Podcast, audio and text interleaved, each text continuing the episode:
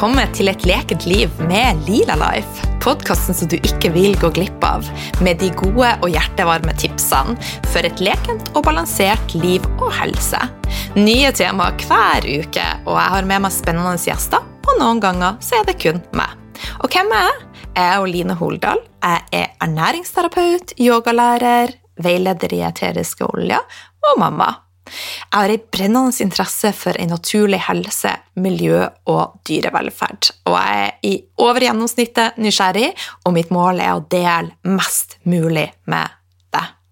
Jeg har vært alvorlig syk i mange år, eh, men nå er jeg 44, og livet det smiler. Mitt mål er å vise deg at det er mulig å gjøre en stor forskjell med små endringer. Kos deg med podkasten smask ifra meg. Hjertelig velkommen til en ny episode av Et lekent liv med Lila Life. I dag har jeg med meg en stor favoritt. Jens Veiersted, ernæringsterapeut og hovedlærer på Tønsberg medisinske fagskole. Tenk så heldige vi er som har en Jens, et inspirerende og hjertevarmt orakel. Det kommer stadig inn spørsmål fra dere eh, lyttere, og de tar jeg på alvor. Og ingen andre passer bedre enn Jens til å stille nei, til å svare på disse spørsmålene. Han er god å stille spørsmål også. Så denne episoden blir rett og slett en Q&A-session. Men før vi setter i gang, så vil jeg lese opp en tilbakemelding fra en av dere lyttere. Og den er fra kostholdscoach Kajsa. Ærlig og informativt. Som kostholdscoach lærer jeg stadig nye ting ved å lytte til denne podkasten. Den går i dybden av helseproblem, kartlegger årsaker og gir informativ og inspirerende nyttige tips. Dyktige og spennende gjester, gjester hver uke. Tipp topp. Tusen takk for det, Kajsa. Jeg blir veldig glad om du også tar deg, tid, tar deg tid til å legge en tilbakemelding via iTunes. Og jeg har hørt at det er både godt for humøret og ikke minst så når vi ut flere, til flere, så eh, gå inn og si hva du syns om podkasten. Sender du en mail til meg også med screenshot av det, så kan det hende at jeg sender deg en oppmerksomhet. Så over eh, til deg, eh, Jens. Pikenes Jens, eller nei da. Hjertelig velkommen. Jeg, jeg, jeg, ja, Det er vel galt å si at man er ferdig med den tiden, for det blir man vel aldri. Eh, jeg er jo så heldig å omgi meg med eh, vakre unge jenter hver eneste gang vi har samling i Tønsberg. Så sånn sett så er, er det jo i og for seg et, et greit uttrykk, 'pikenes Jens', men jeg, jeg ikke at det er helt akkurat der, men sånn er det. Å, jeg var litt litt ute med ordene i dag, men eh, jeg er i sånn pirrig humør, så da, det kan hende at du får gjennomgå i dag, Jens. ja, vi får ta det som det kommer. Ja, men du... Jeg, jeg, er jo egentlig vant til det meste, da, så ja. det skal vel gå. Du, hvordan starta du dagen din i dag? Det er eh, Den vanlige morgenen min er med to kopper kaffe med litt fløte og C8 MCT-olje. Og det holder jeg meg på frem til sånn tolv-ett-tiden der omkring. Så spiser jeg gjerne en, en, lunsj, og så er det middag en eller annen gang på kvelden. Mm. Og, det, og, det, er det. Har du rukket å spise i dag, da? Ja, ja. Jeg, har, jeg måtte gjøre det, for jeg aner jo ikke hvor lenge vi blir sittende og skvaldre. Og hva besto eh, lunsjen slash frokosten din av? Ja, Det var to, to speilegg, to løvtynne skiver med spesialsurdeigsbrød fra en baker nede i Tønsberg, ah. som lager helt fantastiske brød. Ah. Eh, hvor det er mye rart. Det er mye spiret, både frø og bønner oppi, og det er Ja, i det hele tatt, det er Jeg vet ikke alt som er oppi, men to sånne tynne, små skiver av den. Og, og, så var det litt agurk, og så hadde jeg litt leverpostei med, med syltet rødbete på. Mm. Og litt, et med litt gulost.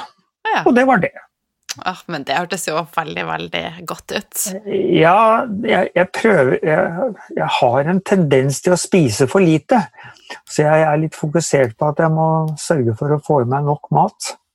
Er... Jeg klarer meg med veldig lite. Ja. Det er ikke sikkert kroppen er enig over tid. Nei. Nei. det er viktig å få i seg nok næring, det vet vi jo alt om. Ja, ja, ja. Men du, vi er jo inne i veldig spesiell tid nå. Hvordan har du det i disse tidene, koronatidene?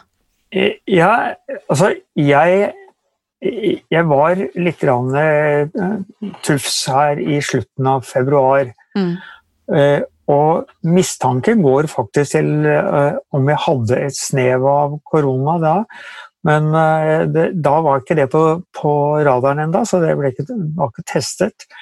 Og så, var jeg hos legen for 14 års tid siden og tok noen blodprøver. og da Eh, da sa de at de skulle ta en sånn eh, antistofftest av meg, men jeg er ikke helt sikker på om jeg har fått resultatet på det. Så jeg, og så husker jeg aldri på å sjekke de siste meldingene jeg har fått fra fastlegen. Nei, Men motet er oppe og ja. Jeg er i, nesten tilbake i gammel form, jeg, så det er ikke noe, jeg har ikke noe å klage på. Nei, men det er bra. Du, eh, mange av spørsmålene som jeg får, er rundt det med melkeprodukter, og ekspertene strides, og rådene er mange og forskjellige. Så i dag så blir det en del spørsmål om melk og melkeprodukter, men også det med automunitet, og eventuelt hva man kan gjøre sjøl for å dempe symptomene, og kanskje også bli symptomfrie.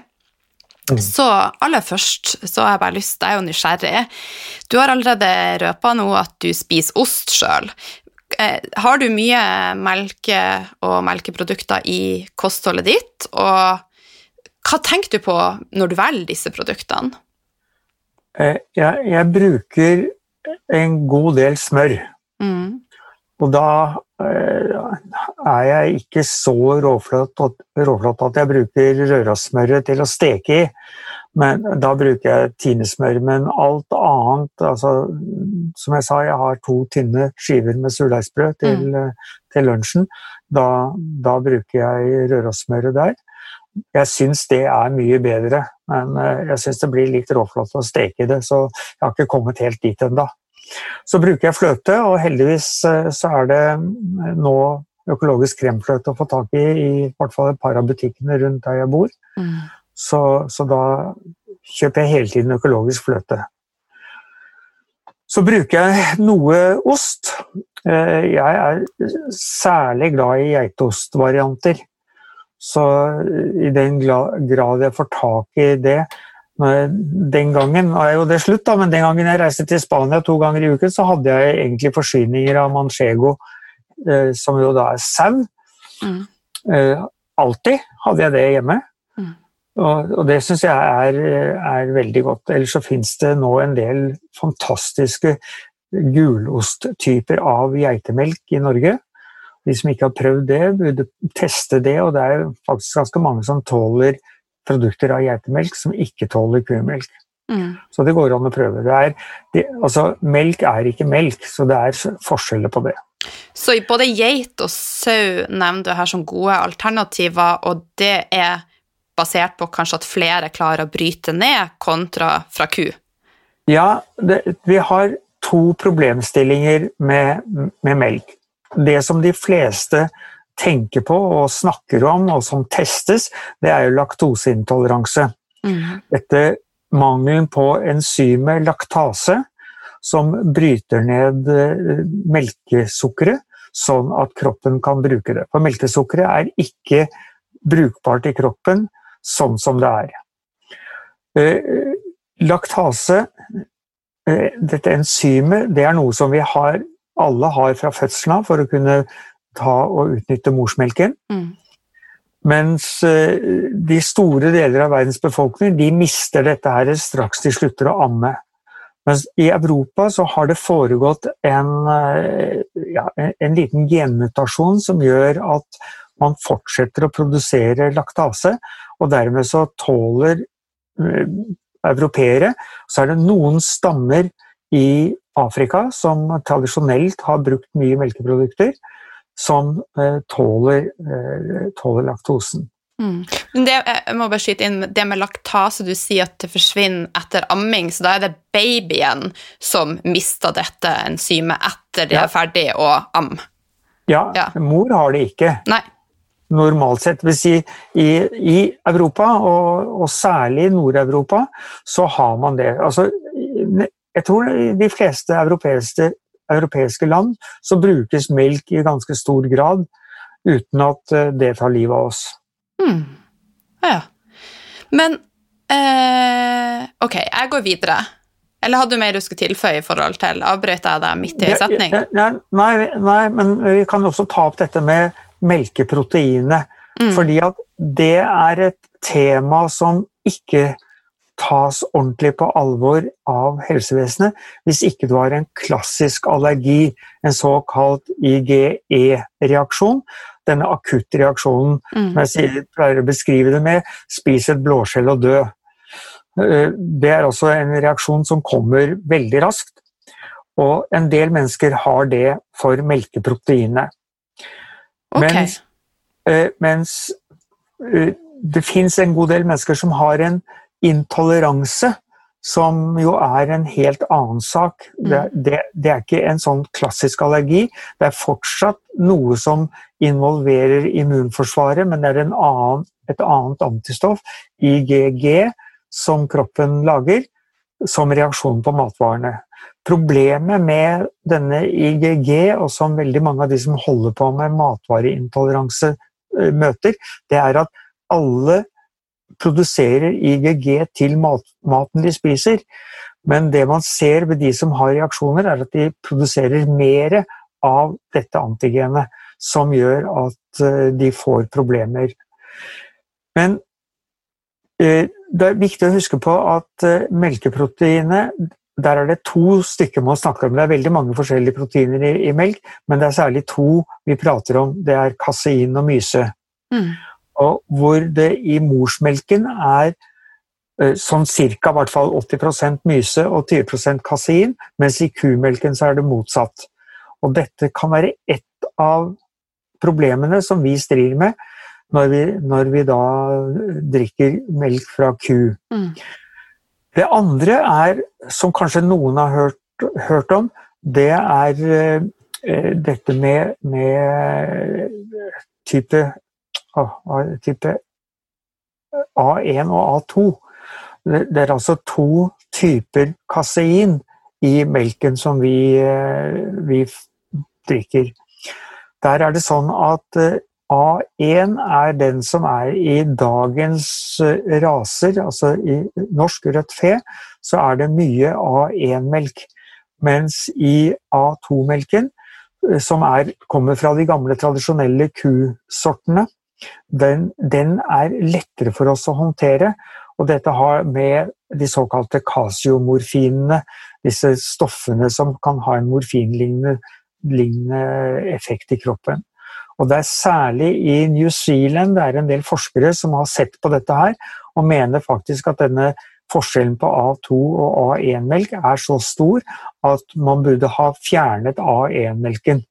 Og faktisk er det sånn at uh, ifølge en uh, bekjent som var i kontakt med uh, avlssenteret for norsk rødt fe, så hadde de bra oversikt over alt dette her, men det var ingen som etterspurte at man skulle ha det ene eller det andre. Så det var ikke gjort noen, noen rettet avlsforsøk for å øke A2-mengden. Men de sier altså i løpet av fem-seks år så kunne all melken vært A2, og da hadde vi hatt et, et melkeprotein som vi tåler bedre enn vi gjør med dagens melkeprotein. Men dette blir ikke gjort noe med, det er jo utrolig trist. Nei, men det er ikke noen etterspørsel. Det er, altså, det er ikke noen fra myndighetene som er ute og snakker om dette her. Og om denne forskningen fra New Zealand er kjent, det aner jeg ikke. Nei. Men de var i hvert fall fullt klar over at det fantes disse to variantene på den avlsstasjonen. Mm. Men da hvis en forbruker eh, nå begynner å gå til butikkene, send mail til Tine Jeg vil gjerne vite er det A1 eller A2-melk. Kan vi gjøre en forskjell da? Ja, det, det, der er jo et veldig godt spørsmål. Da, for Stadig vekk så er det sånn at forbrukeren har større makt enn vi tror. Ja. Og de som serverer oss maten i butikken, de er særdeles følsomme for, for uh, forbrukernes preferanser. Så de, de, de, vet altså ned til minste detalj hva vi faktisk ønsker og velger. Så når det endrer seg, så tilpasser de seg veldig fort. Så, så hvis det hadde blitt gener, et generelt ønske om A2, og jeg vet at det er noen mennesker som har tatt en del initiativ for dette. og Jeg tror det er egen Facebook-side eh, for A2-melk også. Så, så, går det an å gjøre det. Men, men ved å velge geit og sau, mm. så er det bare A2-proteiner man får. Ja. Så der, der, går man rundt det problemet. Nå er jo ikke sau og geit så lett tilgjengelig da, som vanlig kumelk, naturlig nok. Men bare så man vet det, at der kan det hende at man, man har en annen reaksjon enn mot kuprodukter. Men det finnes jo, jeg vet bl.a. Tine også har en eh, ren geitost tilgjengelig i vanlige kommersielle butikker som er veldig god. Eh, så det kommer jo flere og flere alternativer. Man må bare være litt våken. Ja da, og på disse forskjellige gårds, si, gårdsprodusentene så er det jo blitt en rekke forskjellige som man finner. Og jeg vet at uh, en del av disse dagligvarekjedene de er, begynner å bli litt oppmerksom på dette med lokalmat, mm. og tar det i større og større grad inn i butikken. Mm. Her, nettopp, fordi, nettopp, fordi, vi spør etter det. Ja. Men det her A1 og A2, er dette noe som kommer direkte fra kua, eller skjer det etter behandling av melka? Ja. Ja, nei, nei dette, dette, har med kuas produksjon å gjøre. Ja, ok. Så, men råmelk eh, og det å få melk direkte fra ku, vil ikke det også være et bedre alternativ ja. for de som absolutt vil ha melk? Jo, eh, det er det. Nå må du skille mellom råmelk og fersk melk. Ja. Eh, råmelk er de første døgnene etter kalving, mm. som er veldig spennende. Mm. Men eh, den bør ikke bli for spennende, for den har antageligvis en kalv som trenger det. ja, altså, ja, vi skal mest, ikke Mest sannsynlig. Men, men det, det, hevdes jo at det er et, et overskudd. Sånn at om man tar av noe av denne råmelken, så er ikke det så farlig. Og det som er spennende der, det er at det, det inneholder veldig mye immunstyrkende stoffer. Mm. Og det inneholder også noe som heter laktoferin eh, i kolostrum som, eh, som, bare er i denne aller første melken. Og dette laktoferin den fjerner jern fra fordøyelsen og hemmer dermed veksten av skadelige bakterier. Wow! Så dette her er, ja, det er kjempesmart. Eh, og jeg har faktisk eh, nå også erfaring med en egen pasient med SIBO, mm. som hadde prøvd alt mulig rart for å bli kvitt det altså bakterieovervekst i tynntarmen, som vi absolutt ikke skal ha. Hennes løsning var kolostrum. Da hun begynte å ta det, så forsvant problemet. Og det kan du også ta som et tilskudd? Ja, du får kjøpt det. Jeg er usikker på om det er tilgjengelig i Norge, men det er i hvert fall tilgjengelig fra utlandet. Mm. Det var, noen, det var et firma som hadde noen kolostrumpiller på markedet, men det var ingen som skjønte hva det var for. Dette er, vel kanskje åtte-ti år siden, eller noe sånt nå, så jeg tror de bare stille tok det ut av markedet igjen. Ja. Men uh, kolostrum er verdt å titte på det. Altså, det er et, uh, et veldig spennende stoff med, med mye næring. Mm. Og det er jo ganske elegant da, at uh, hvis man tenker på et nyfødt barn som kan ha litt forskjellige ting i fordøyelsen sin før de fødes. Mm. Akkurat hvordan det fungerer, skal jeg ikke gå inn på, for det har jeg ikke peiling på. Men, men i hvert fall så, så, kommer kolostrum de første dagene og sørger for at um, jernet som måtte være der, tas ut. Ja. Og som gjør at melkesyrebakteriene som ikke trenger jern, som noen av de få, faktisk kan vokse og kolonisere tarmen før de andre begynner å vokse, som gjerne tar luven fra melkesyrebakteriene hvis de får sjansen. Det er jo så fascinerende. Men Naturen er ganske lur. Ja, den er fantastisk lur. Men nå er det et eh, litt på kanten spørsmål her, da. Vil morsmelk, morsmelk gjøre det samme for oss? F.eks. hvis noen ammer, og så har de et overskudd av morsmelk, vil en voksen person ha nytte av å drikke dette? Nei, det har jeg i, i grunnen aldri vurdert. Sånn at det svaret på. Eh, men det er nå i hvert fall ikke skadelig. Det kan det ikke være. Men vil de men, ha men noe det, av det samme inn, altså innholdet som ja, råmelk? Nei, ja, noe er det. For det er litt laktoferin i all melk, men det er veldig lite. Så det er først og fremst i denne råmelken mm. første, de første døgnene hvor dette her er, er så sentralt. Mm. Og dette er jo en av årsakene til at det å amme et eh, nyfødt barn er faktisk ganske viktig. Ja. Mm. Nå må man jo da selvfølgelig ikke stresse om man ikke får til. Det er jo mange grunner til at man ikke klarer å produsere melk eh, etter at man er født. Eh, jeg tror at det har nok noe med stressnivå og helsetilstand å gjøre, mm. men eh, nå er jeg da på gyngende grunn, som det heter, og uttaler meg uten saklig begrunnelse. Ja, men det er jo alt henger sammen, så stress vet vi jo påvirker flere elementer. Det meste. Ja. Mm. Det meste. Så jeg ja. syns ikke du er på så gyngende grunn. Men så har vi ferskmelk, da. Hvorfor er det et bedre alternativ enn den melka vi finner i butikken?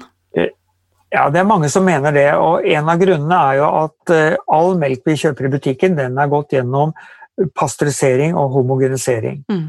Pasteurisering er en oppvarming er det 78 grader eller noe sånt nå, et lite øyeblikk, for å kunne drepe bakterier. Og mm. det, det, sier seg selv at et stort meieri kan ikke ta sjansen på å få inn en, et lass med melk som er forurenset av bakterier, uten å gardere seg mot det. For det, de kan antageligvis ikke klare å sjekke all melken de får inn. Så på et stort meieri så er dette her selvfølgelig helt nødvendig. Man kan stille spørsmålstegn ved disse små gårdsmeieriene som har nøye kontroll av bakterienivå, om dette forbudet mot å selge fersk melk faktisk er så nødvendig som det gir uttrykk for. Men at uh, redselen for bakteriemelk er stor, det er ikke noe å lure på. For melk er et fantastisk medium for bakterier. Mm. Men vet du hva? Jeg bare tenker, Det er veldig mye sånn paradokser her. For det første du finner når du kommer inn i kassa på en butikk, det er sånn type energidrikker, eh, Monster og you name it. Det burde jo heller vært i tappekran med ferskmelk som vi kunne ha kjøpt. Jeg tenker jo mye det. du, du, kan si det er i hvert fall ganske mange andre ting som burde ha vært der istedenfor det som står der i dag. Men eh, igjen tilbake til det vi snakket om litt innledningsvis. De vet nøyaktig hvor de skal plassere matvarene. Mm. Det fins altså ikke én eneste matvare som er plassert tilfeldig i en butikk. Nei, det er helt sant. Eh, og hvis dere går de, eh, i butikker fra forskjellige kjeder, så ser dere at de bruker de samme prinsippene alle sammen. Mm. For dette her er det forsket på i det vide og det brede. Mm. Men tilbake til fersk melk. Fersk melk eh, som ikke er pasteurisert, den vil altså ha de naturlige stoffene som melken har, mm. som ikke ødelegges av varme. Fordi som vi vet, det er en del stoffer som påvirkes av varme. Vi har en viss eh, denaturering av proteiner. Vi har en del vitaminer som er følsomme for, min, for uh, temperatur. Så her er det i hvert fall noen grunner. Det hevdes også av noen oss Nå er ikke dette er noe som jeg har studert i detalj, men det hevdes at noen at f.eks. når du har pasteurisert og homogenisert melken, så er eh, tilgjengeligheten for en del av næringsstoffer blir dårligere. Homogenisering er jo spalting av fettet. Eh, jeg som er såpass gammel, jeg husker jo melk hvor man under kapselen, for det var melkeflasker da jeg var liten, mm. så lå det en fløteplugg som vi hatet. Ja, nei, Det var helt forferdelig. Det var klumper i melken. Og et barn vil ikke ha klumper i melken. Nei. Og jeg husker faktisk at homogeniseringen kom, Og, og at uh, melken da plutselig var uten den der fettproppen, og da jublet vi. Uh, men uh, denne spaltingen av fettet, den gjør at en del av fettet faktisk kan tas opp i blodet uten å spaltes, og der skaper det litt problemer. Fordi at disse fettperlene er så små at de kan faktisk gli gjennom denne membranen i tarmen. Så, og da hevdes det at dette her kan, kan faktisk gi en del problemer. Så homogeniseringa gjør at fett, altså fettmolekylene blir så små at de kan trenge gjennom ja. ja og går inn i blod- og lymfesystemet og ja, trigger ja, immunsystemet. Ja.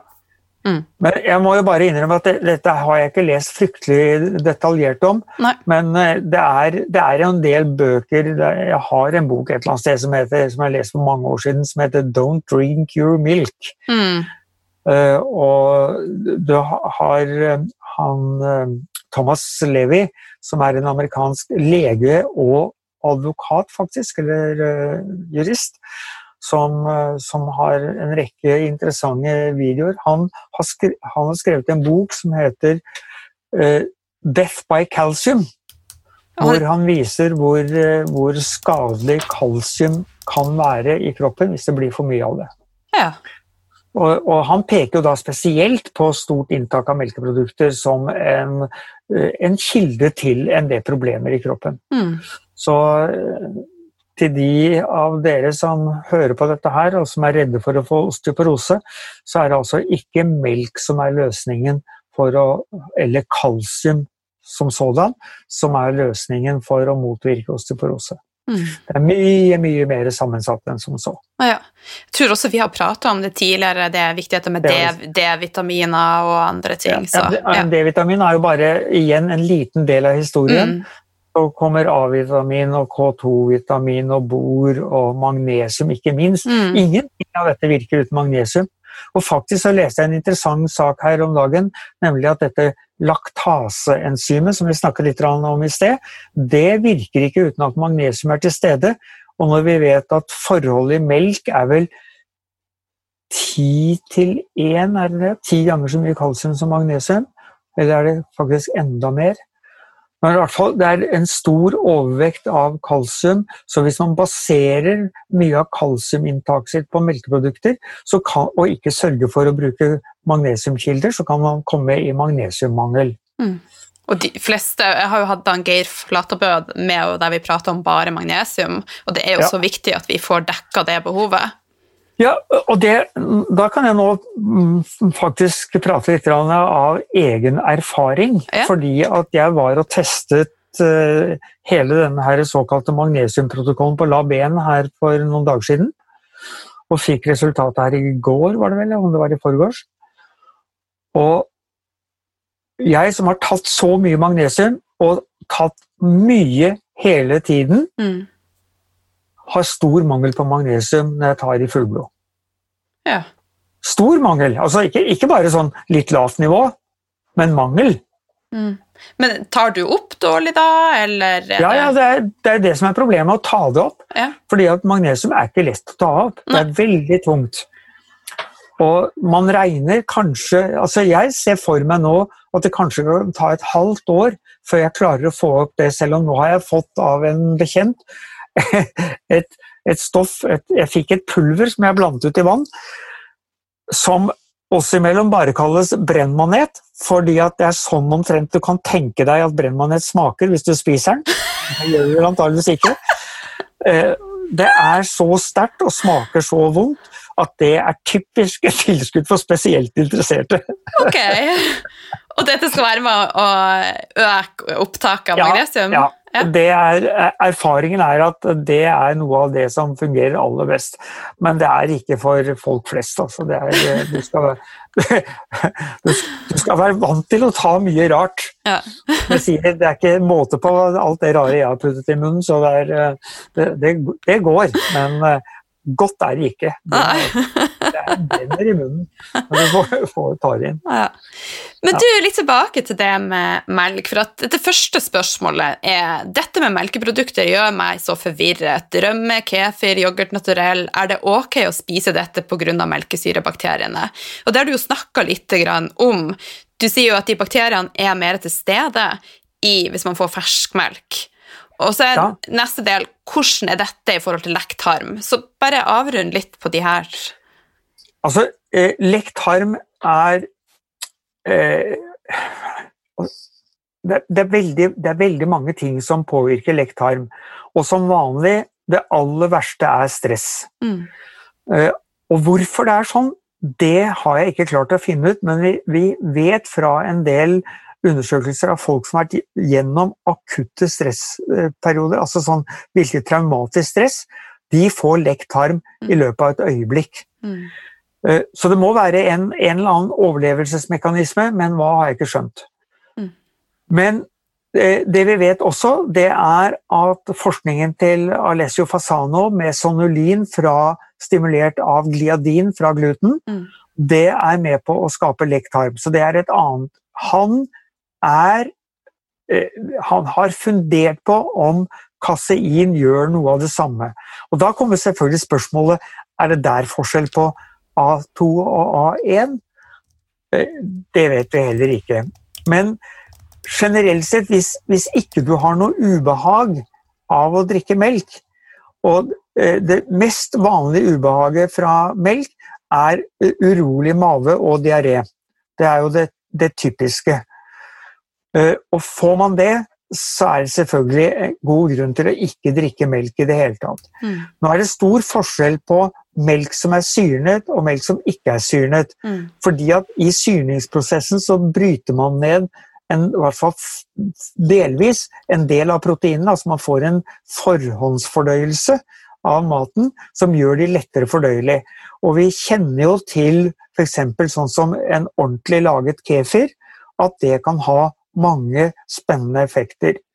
Og faktisk så har jo eh, Tine kommet med en økologisk kefir laget på kefirkorn. Og jeg kan ikke se at det er noe galt å bruke det hvis man ikke reagerer.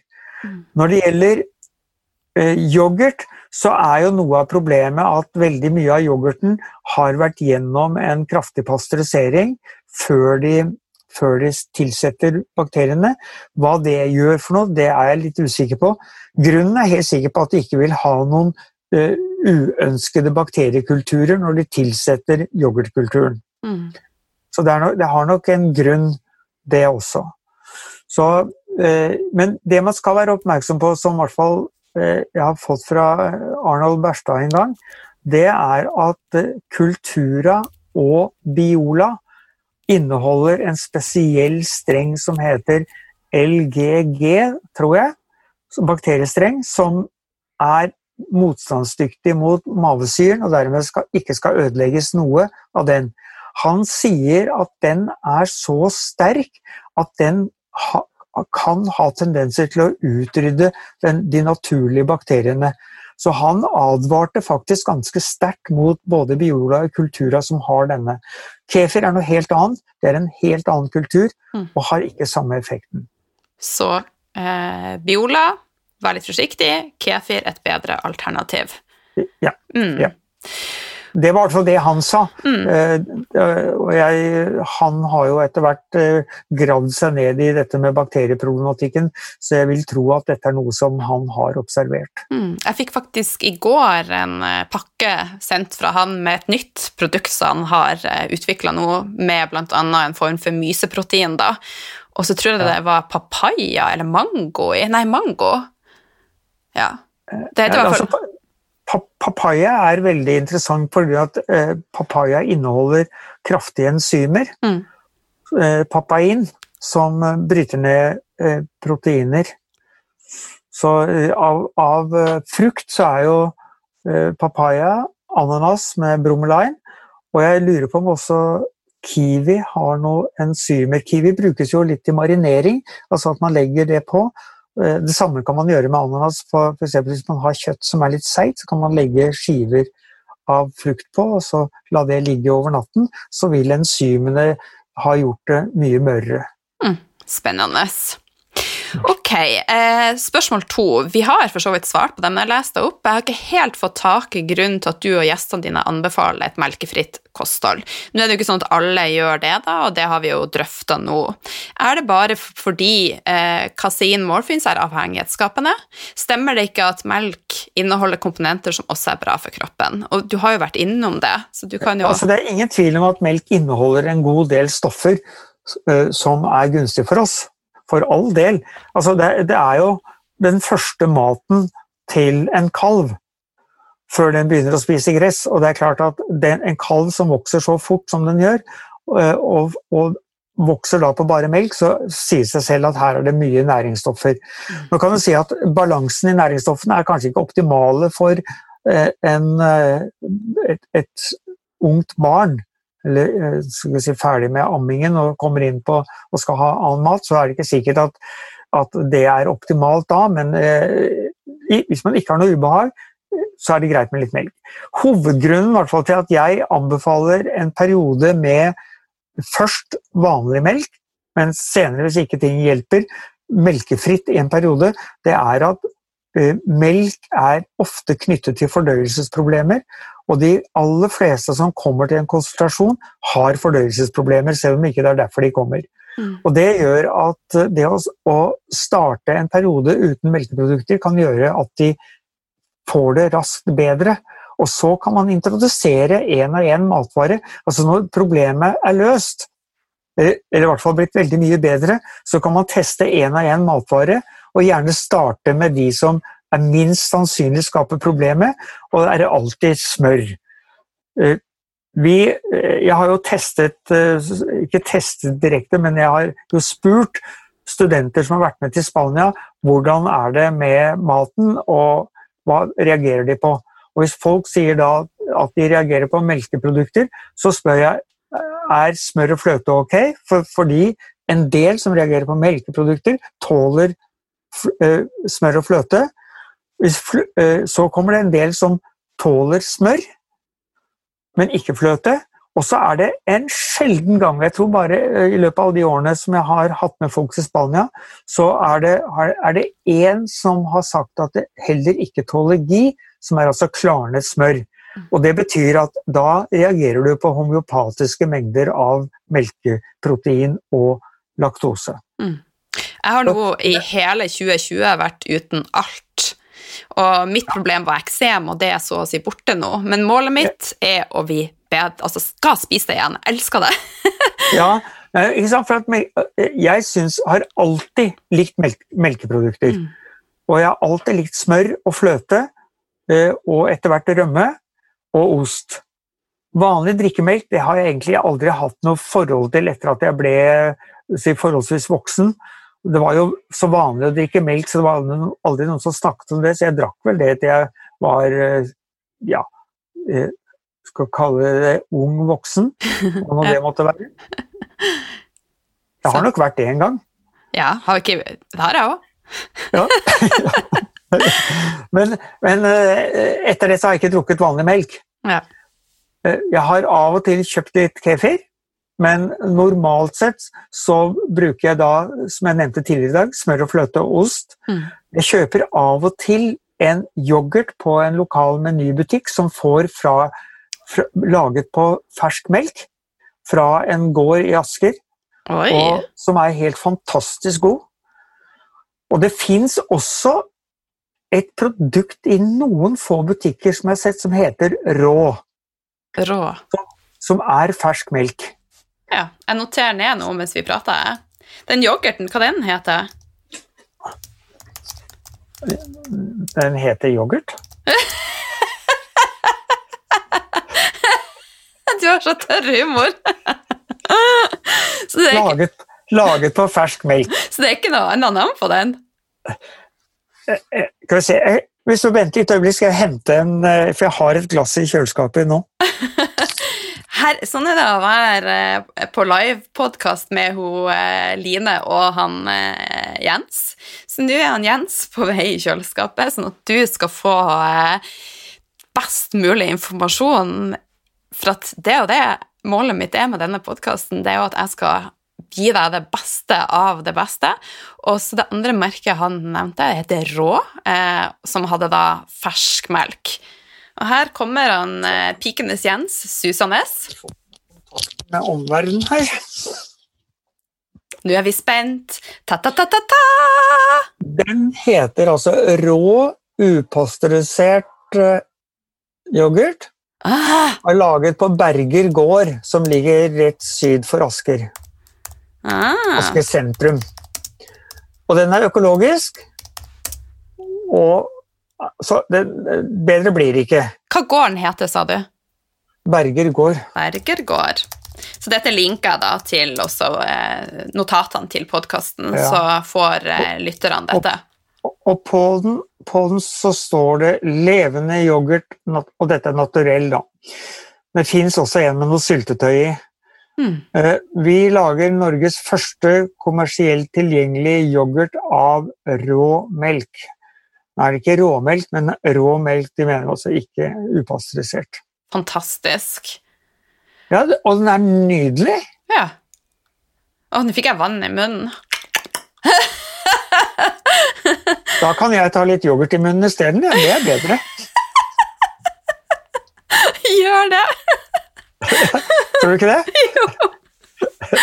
Det går like an med å sende litt over sånn via Zoom. Det, det, det er vanskelig. Elektronisk yoghurt tror jeg ikke er det samme.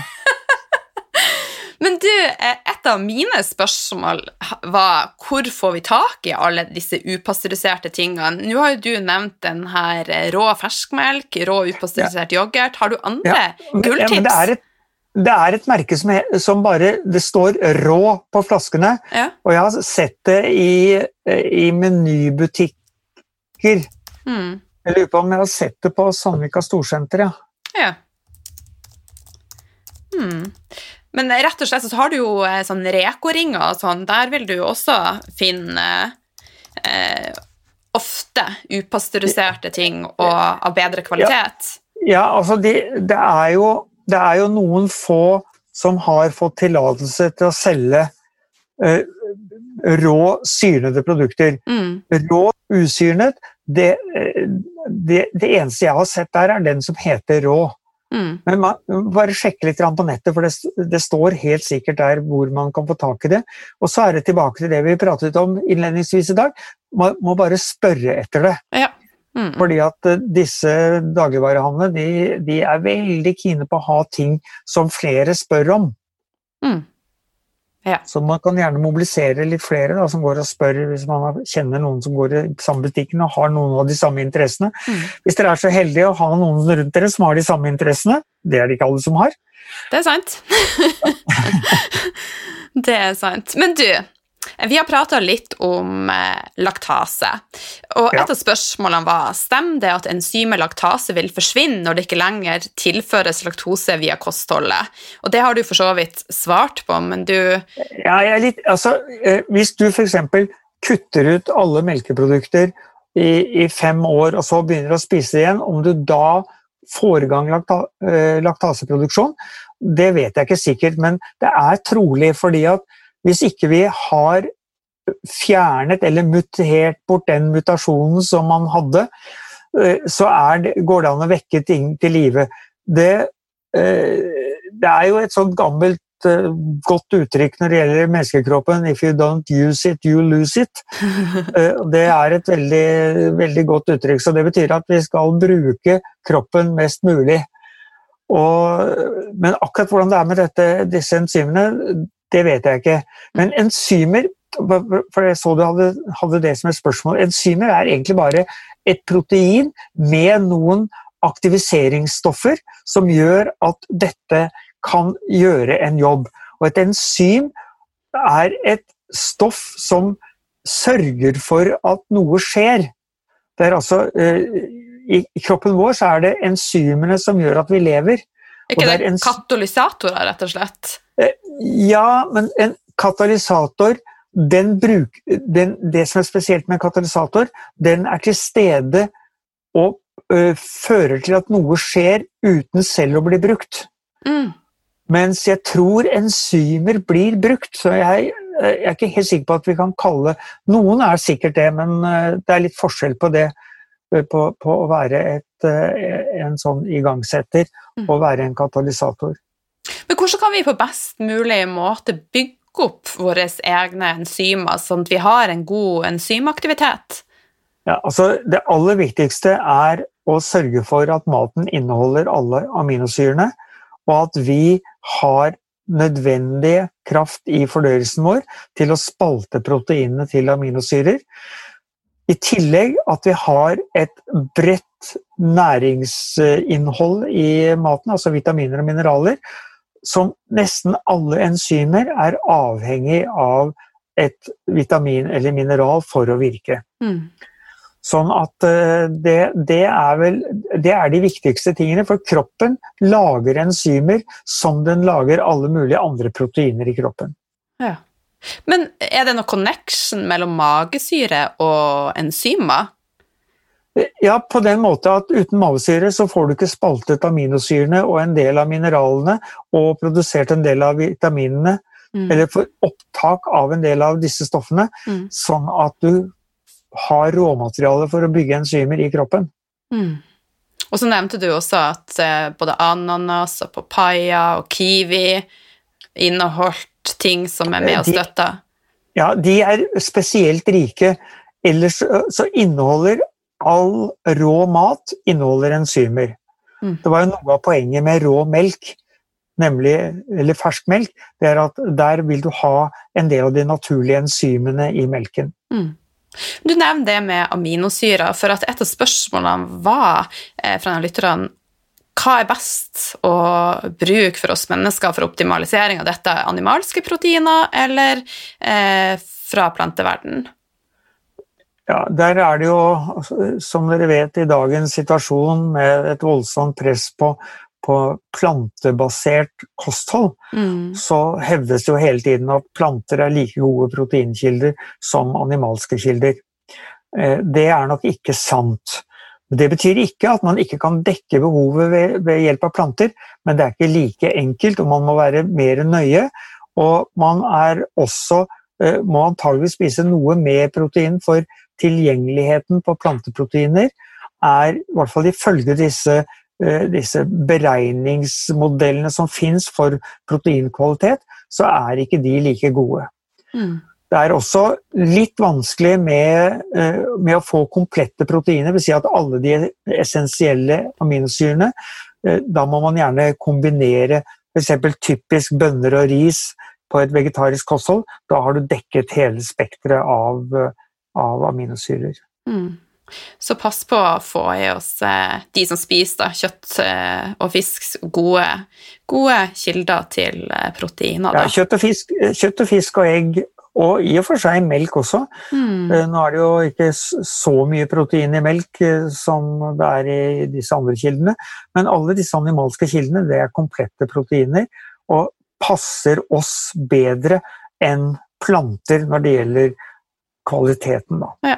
Og så I forhold til planter sånn, så er jeg jo kjempeglad i grønnsaker, men det er jo noe med alt. så det, det jo, Vi har jo lektina, vi har eh, nightshades, vi har eh, oksolater, så Ja, det er, det er veldig mange ting med, med, planter. Jeg er nå snart ferdig med å lese en bok av en en amerikansk lege som heter Paul Saladino, mm. som har skrevet en bok som heter The Carnivore Code. Altså hvor han skriver om dette eh, rene animalske kostholdet. Mm. Og hvor han ble kvitt sin eksem først etter at han kuttet alle plantematvarer. Wow. Ja.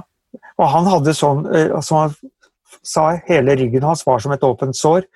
Og han hadde jo naturlig som lege prøvd det meste. Mm. Mens eh, det som løste det, var å kutte alle plante, plantematvarer. Ikke noe urter eller blom? Ingen, ingenting. Absolutt ingenting. Og han, I denne boken så går han jo gjennom hva planter kan gjøre. Mm. Uh, altså Han sier jo ikke at dette gjelder alle, og, og det fins jo mennesker som trives utmerket på et plantebasert kosthold.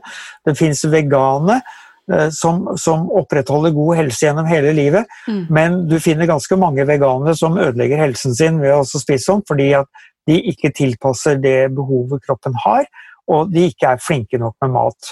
Mm. Eh, så jeg, jeg, anbefaler jo alltid et blandingskosthold, for jeg tror det er det vi er utviklet på.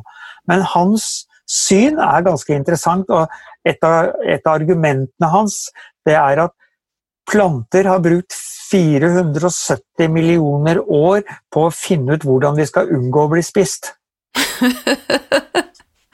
ja. ja. Og det kan vel hende at de har funnet ut noe. Mm. Så, sånn at, det, og du vil jo se på dyr, eh, f.eks. beitedyr unngår en del planter, for de vet da instinktivt at da blir de syke. Mm. Så, så det, er, det, er, mye i denne verden som vi ikke har full oversikt over. Mm. Og man skal også være klar over at mange av de tingene som er trukket frem om, om disse stoffene i planter som skal være så mirakelstoffer, at mesteparten av studiene er gjort i et reagensrør. Og kanskje i dyreforsøk, men da ofte i doseringer som er langt unna det vi kan klare å få til for et menneske. Så altså, det, Han stiller veldig mange spørsmålstegn ved at planter er løsningen på alt. Mm. Og han mener snart, eh, snarere tvert om. Det han kaller eh, nose to tail carnivore. Det betyr at du spiser alt på dyret mm. som er spiselig. Og det er jo kjempeviktig også å ta med her ja. i betraktning. Så ja, ikke bare ja, spis muskelen. Nei, altså hvis du tror at han bare sitter og spiser biff, så er du på jordet. Ja. Mm. Han, det er innmat, og det er kraft, og det er marg, og det er eh, Han spiser hjerne og Altså, ja. Er, han, han, tar for seg av det meste. Mm. Ja, men det Men, det, men dette er, det er også for spesielt interesserte. Jeg mener at det å være vegan er for spesielt interesserte, og det samme for de som er karnivore. Mm. jeg tror vi trives best på en blanding tilpasset de behovene vi har. Ja. Men eh, jeg må bare en av de beste tingene jeg visste da jeg var lita jente, eh, det var å spise aurskolt. skolt. det er uer. Og da sugde jeg faktisk ut hjernemassen og spiste den. Ja, Da vet vi hvorfor du, hvorfor du har blitt som du har blitt. Takk for den, Jens. Du mente at det er derfor jeg så utrolig oppegående. Ingen kommentar. Men du, nå bryter jeg deg av. Eh, tilbake til det med ost og melk og fløte og alt sånn. Jeg vil avrunde det. Eh, har du noe mer å tilføye, eller var vi ferdig der? Nei, det, for å få ta én ting, ting, Nå har jeg nevnt at ikke fokuser på melkeprodukter pga. kalsiuminnholdet. Mm. Det er feil fokus. Man skal heller ikke være redd for melkeprodukter pga. mettet fett, som jo myndighetene prater mye om. Mm. Vi er jo helt overbevist om at mettet fett er sunt. Og at det faktisk har ganske mange positive effekter i kroppen. Så eh, det, det man må finne ut av, er hva tåler man, og hva trives man med. Fordi at hvis du får diaré hver gang du spiser en is, så er det et tegn på at du ikke skal spise is. Mm. Nå kan det hende at det er pga. et stoff som heter karagenan, som brukes i omtrent all is, og som brukes i rotteforsøk til å indusere tarmbetennelse. Så det kan hende at ikke den kjøpeisen er bra for alle, hvis ikke du har litt eh, god kvalitet på tarmen din. Mm. Så, eh, så, jeg mener at eh, melkeprodukter er helt ok hvis du ikke har noen reaksjon på det, men vær veldig nøye med å finne ut det hvis du er dårlig. Så prøv å finne ut at melk er en faktor, for det kan det være. Men reaksjoner kan jo også være mange. Det kan jo være at man får en økt puls, det kan være at man får rødhet på huden. Det er jo mer sånne symptomer jeg har fått kontra vondt i magen. Jeg har sjelden vondt i magen. Ja da, men det, men det, er som du sier, uh, ofte så er reaksjoner kan gå på sånne ting som, som hud, uh, slimhinner som hovner opp, mm.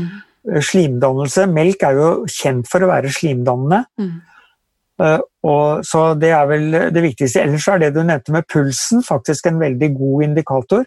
Hvis du spiser bare én matvare og tar pulsen før og etter, så vil en stigning utover ti slag det nærmeste sier, halvtime, tre kvarter etter at du har spist, indikerer at dette tåler du ikke. Mm.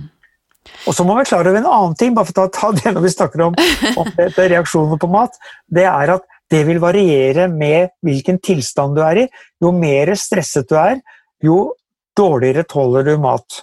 Mm. Så jeg har mange eksempler på folk som, som uh, kun reagerer på mat når de er stresset. Så husk, å, husk å puste og husk å tygge og matro og alt ja. det her. Og husk på at eh, ikke ta alt så innmari alvorlig. Du kommer ikke fra det i live uansett. Cha-ching! yes. Uh, vet du hva, så er jo tida hun flyr, Uh, og vi skal, uh, vi skal ikke skravle i det uendelige, sånn at vi rekker ikke alle spørsmålene, men jeg tenker jeg skal ta et siste spørsmål. Og vi har vært innom det, du nevnte det med fett, så hva er dine beste tips for å holde blodsukkeret stabilt og få ned kolesterolet? Og når jeg hører ordet 'få ned kolesterol', så reiser alle hårene seg på kroppen min, så forklar. Ja, For det første så ser det ut til at kolesterol reagerer veldig på insulin. Sånn at hvis du har et ustabilt blodsukker, hele tiden dytter på, på blodsukkeret med å spise for mye karbohydrater, mm. så vil, vil, det stimulere kolesterol. I min verden, nå må jeg si at jeg har, jeg har av litt forskjellige årsaker snakket med eh, noen leger på sykehus om dette med kolesterol. Eh, eh, og Derfor så det, eh, kan jeg understreke at det er litt forskjellig syn på det. Mm. Men i min verden så er kolesterol et helt nødvendig stoff. Det er et stoff som øker under stress eller sykdom fordi det er en del av immunforsvaret vårt. Det er en del av beskyttelsen. Og faktisk så ser det ut som at LDL-kolesterolet, det såkalte farlige kolesterolet, har en sterk bakterie- og virushemmende effekt. Og det er faktisk nå noen som lurer på om det hadde gått an å finne ut hva er kolesterolnivået på de som har vært syke, ordentlig syke av korona. Mm. Eh, og kanskje det er sånn at uh, man kan finne en sammenheng der sånn. Uh, kanskje. Og de, er, Men, de, har for lave nivåer da? Kanskje de går på ja, statiner ja, hele gjengen? Kanskje de går på statiner og har veldig lave eh, kolesterolnivåer. Mm. Jeg, jeg, fikk jo for øvrig, fordi at jeg hadde en periode ganske høyt kolesterol, og det er jo Jeg begynner å ane meg at jeg har hatt en del rusk i kroppen, og jeg har hatt en del stress på litt forskjellig nivå. Eh, og fastlegen min begynte å snakke varmt om statiner. Og da så jeg på henne og sa dette tar jeg aldri. Det blir i så fall over mitt lik. Bra, da. det syns hun var morsomt. ja. Men eh, den beste måten å få og balansert både blodsukker og kolesterol, er jo naturlig mat. Ja, det er naturlig mat å holde Altså finne ut hvor mye karbohydrater du tåler. Mm. Altså Etter et måltid så skal ikke blodsukkeret langt til værs. Man snakker om at, at blodsukkeret fly, flyr opp etter et måltid. Ja, Det er fordi at måltidene som vi blir anbefalt, inneholder 50-60 karbohydrater. Mm. Og da går blodsukkeret til værs. Hvis du reduserer, og jeg har jo testet meg selv mange ganger eh, og sett på hvordan dette, dette forandrer seg gjennom dagen, og når, når jeg spiser sånn som jeg har det best med, så rører blodsukkeret seg veldig lite. Det går kanskje opp fra fem til fem og en halv, kanskje, kanskje begynner å nærme seg seks. Øh, og spiser jeg gæren, så kan det hoppe over seks, men aldri veldig høyt. Og Det betyr at det er nede igjen på normalt nivå veldig fort, uten at jeg trenger å pøse på med store mengder insulin. Mm. Så øh, et stabilt blodsukker, og jeg bruker jo ofte denne Eh, denne regelen om at du skal kunne gå fem-seks timer uten å tenke på mat. Mm.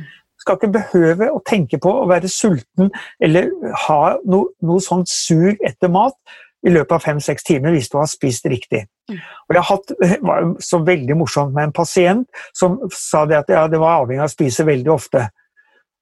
Men, så fortalte, men jeg var på ferie i England og da bodde vi på hotell, og så hadde vi sånn eh, eh, engelsk frokost med, med, egg og bacon og pølser og bønner og, og, og, hele den der pakka der sånn.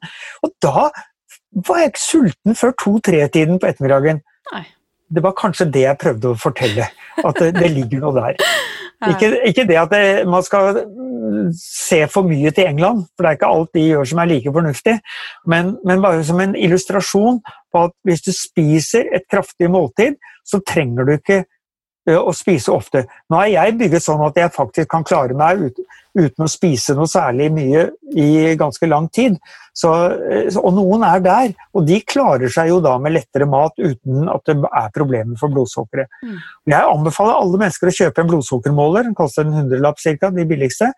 Og måle blodsukkeret litt med forskjellige sammensetninger av måltider for å lære seg til hvordan kroppen virker. Det er kjempespennende.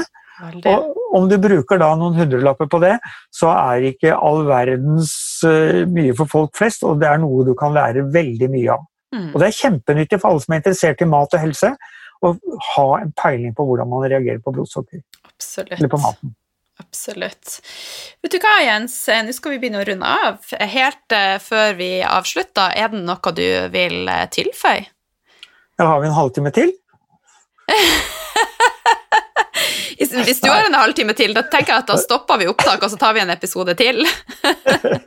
Nei, du, jeg har ikke noe spesielt eh, jeg tenker på nå. Det var jo noen flere spørsmål på denne oversikten som du hadde, som vi kan ta i en eh, ny runde. For jeg stiller opp igjen, for jeg syns det er morsomt å sitte her og prate med deg. vet du. Ja, så bra. Det er alltid veldig, veldig hyggelig å prate med deg. Og Eh, jeg tenker at En av de viktigste oppgavene i livet det er å ha det litt artig, og det har jeg alltid med deg. ja, det er fint. Det er mitt mål.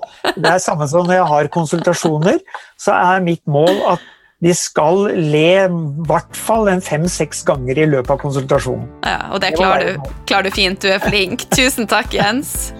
Bare hyggelig.